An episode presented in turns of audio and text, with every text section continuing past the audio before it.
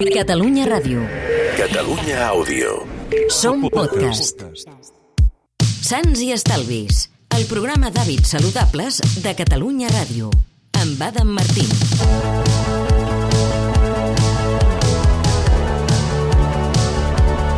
Hola, què tal, com esteu? Avui parlarem d'una tendència que ha agafat la força d'un incendi forestal els últims mesos, la bogeria pel col·làgen. Les vendes d'aquests suplements s'han disparat i fins i tot comencen a aparèixer alguns bars que venen cafè, això és veritat, eh? Que venen cafè amb col·làgen a preu de caviar, evidentment. Al barri de Chamberí de Madrid, per exemple, s'ha inaugurat fa poc un bar que es diu Sesen Room, que s'anuncia com el primer bar o specialty coffee de col·làgen d'Europa. Podeu posar la mà al foc, que aviat arribaran locals similars a Catalunya o que en alguns bars, normals entre cometes, tindran l'opció de cafè amb col·làgen, de batut healthy amb col·làgen o d'algun invent d'aquest tipus. Això sí, deixant-nos-hi el so. Per què tant èxit? Per què tothom parla del col·làgen? Per què tothom pensa que és indispensable prendre aquests suplements? Perquè el col·làgen és clau per tenir una pell radiant, ungles més fortes, les articulacions d'un adolescent... Però cal prendre col·làgen a banda?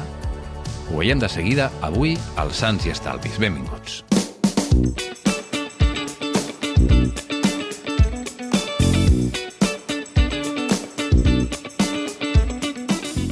Abans de creure'ns les promeses que veieu a les xarxes socials, i per cert, els separadors a les farmàcies, aprofundim en què és el col·làgen i com afecta l'organisme. Tot i que fa uns anys que se'n parla molt, com si l'acabéssim de descobrir ara mateix, el col·làgen no és cap cosa nova. No és res més que el nom que donem a una proteïna o una família de proteïnes que estan presents en diversos teixits del cos, com la pell, les dents, els ulls, el cartílag i els ossos. Aproximadament el 25% de les proteïnes del nostre cos són col·làgen i té un paper clau en la formació de teixits connectius, com els tendons i els ossos, i contribueix a mantenir la pell en bon estat. I han dit que el col·làgen és una família de proteïnes essencial per la integritat, per tant, dels nostres teixits. Amb el temps, aquest col·làgen es va perdent i és un dels factors que expliquen que tinguem ossos més fràgils o la pell menys elàstica. Aquesta pèrdua es pot alentir i fins i tot també evitar. Per tant, escoltant això, és fàcil pensar fantàstic, doncs prenc col·làgen extra a través de suplements i obtinc els beneficis del col·làgen. Però no és tan senzill. Creure que consumir col·làgen directament millora els teixits específics és una simplificació massa gran que val la pena desmuntar.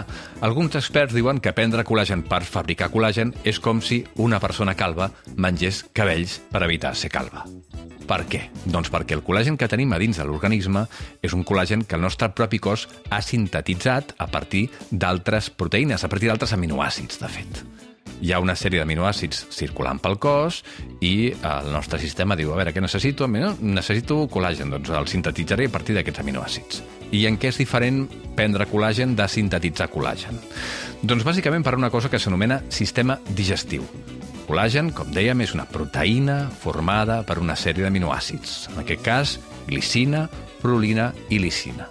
El cos no pot fer servir proteïna per nodrir-se, però en canvi sí que pot fer servir aminoàcids.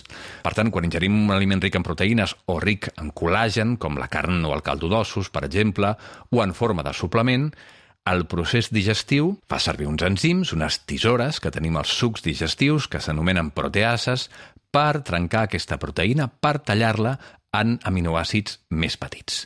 Si no fes això, el cos no podria fer servir les proteïnes. El que abans de la digestió, per tant, era una proteïna anomenada col·làgen, després de la digestió s'ha convertit senzillament en un grapat d'aminoàcids. Dit d'una altra manera, el que abans era una paret, ara s'ha convertit en totxos. La paret ja no hi és, ha deixat d'existir. El col·làgen ha desaparegut, només queden aminoàcids. Un cop la digestió descompon les proteïnes en aminoàcids, un cop, per tant, només queden els totxos, aquests aminoàcids es distribueixen arreu del cos segons les necessitats. Els totxos ja no saben que abans eren col·làgen, no saben res. Aquests totxos que formaven part del col·làgen ara seran totxos que formaran part d'altres estructures, de l'estructura muscular, del sistema immune, d'on sigui. Que l'organisme necessita col·làgen? Doncs aleshores potser alguns d'aquests totxos tornaran a formar part del col·làgen que el nostre propi cos ha estat capaç de sintetitzar, de tornar a crear. Si no ens cal col·làgen, que normalment sempre cal, eh? o tenim altres urgències, doncs aquests totxos se n'aniran cap allà. Per tant, El que és important és la síntesi de col·làgen que fa el nostre cos a partir dels aminoàcids que entren quan mengem. Si mengem col·làgen, aquest col·làgen torna a convertir-se en aminoàcids i ja està.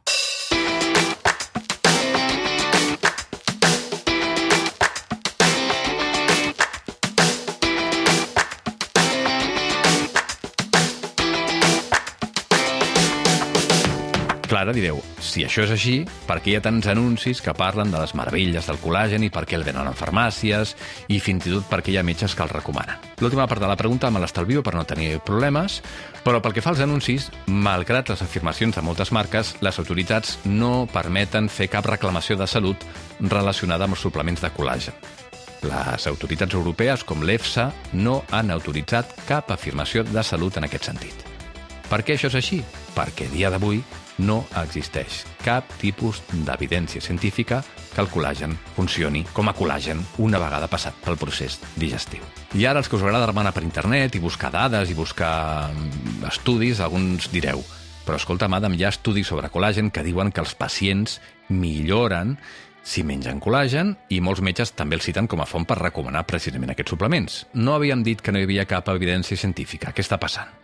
Doncs el que passa és que aquests estudis estan mal fets.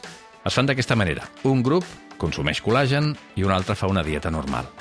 Com que el que consumeix col·làgen està consumint més aminoàcids, doncs millora, perquè el cos té els aminoàcids que necessita per fer la síntesi de col·làgen. Ara bé, què passa si a un grup li donem col·làgen, a un altre grup li donem proteïna normal i un altre grup fa una dieta normaleta? Doncs el grup que millora realment és el que consumeix proteïna no el que consumeix col·làgen. En conclusió, la creença que el col·làgen en forma de suplements o altres formes transformarà miraculosament la nostra aparença i salut no té cap tipus de fonament científic. Som éssers complexos i la nostra salut depèn de molts factors, no només de consumir un tipus de proteïna específica per aconseguir una cosa especial.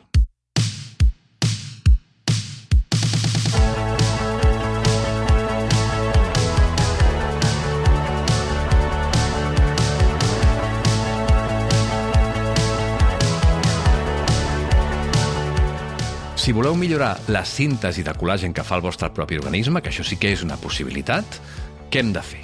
Doncs eh, el que hem de fer és ajudar l'organisme a fabricar col·làgen de manera natural, amb bons hàbits i una dieta adequada, que és allò de sempre, els mateixos consells avorrits de sempre. Són els que són, no ens els podem inventar només perquè hi ha altres consells que siguin més divertits, més guais o que semblen més innovadors.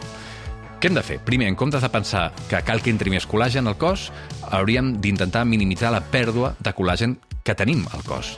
El sol en excés, per exemple, fa malbé la pell. Per tant, això també el que fa és reduir la quantitat de col·làgen que tenim. Per tant, hauríem de protegir-nos amb crema solar. I la vitamina D? Doncs sí, 15 minuts d'exposició cada dia o cada dos sense crema per optimitzar la síntesi de vitamina D i a partir d'aquests 15-20 minuts, com a molt, protecció solar sempre. Són els consells que fan els dermatòlegs, són els consells que fan els uh, oncòlegs experts en càncer de pell, etc. D'altra banda, el tabac també s'hauria d'evitar perquè també fa malbé la síntesi de col·làgen i perquè fa que s'acceleri la despesa de col·làgen que fa l'organisme. Què podem menjar per assegurar-nos que el cos sintetitzarà, que fabricarà el col·làgen que necessitem? Res especial, el que deia, no hi ha miracles. D'entrada, proteïnes en quantitat suficient a partir de fonts saludables. Llegums, ous, llavors, fruits secs, peix i carn. També podem consumir aliments rics en vitamina C, que és una vitamina que intervé en la síntesi de col·làgen en la construcció. Per tant, eh? on la trobem? A la fruita i a la verdura.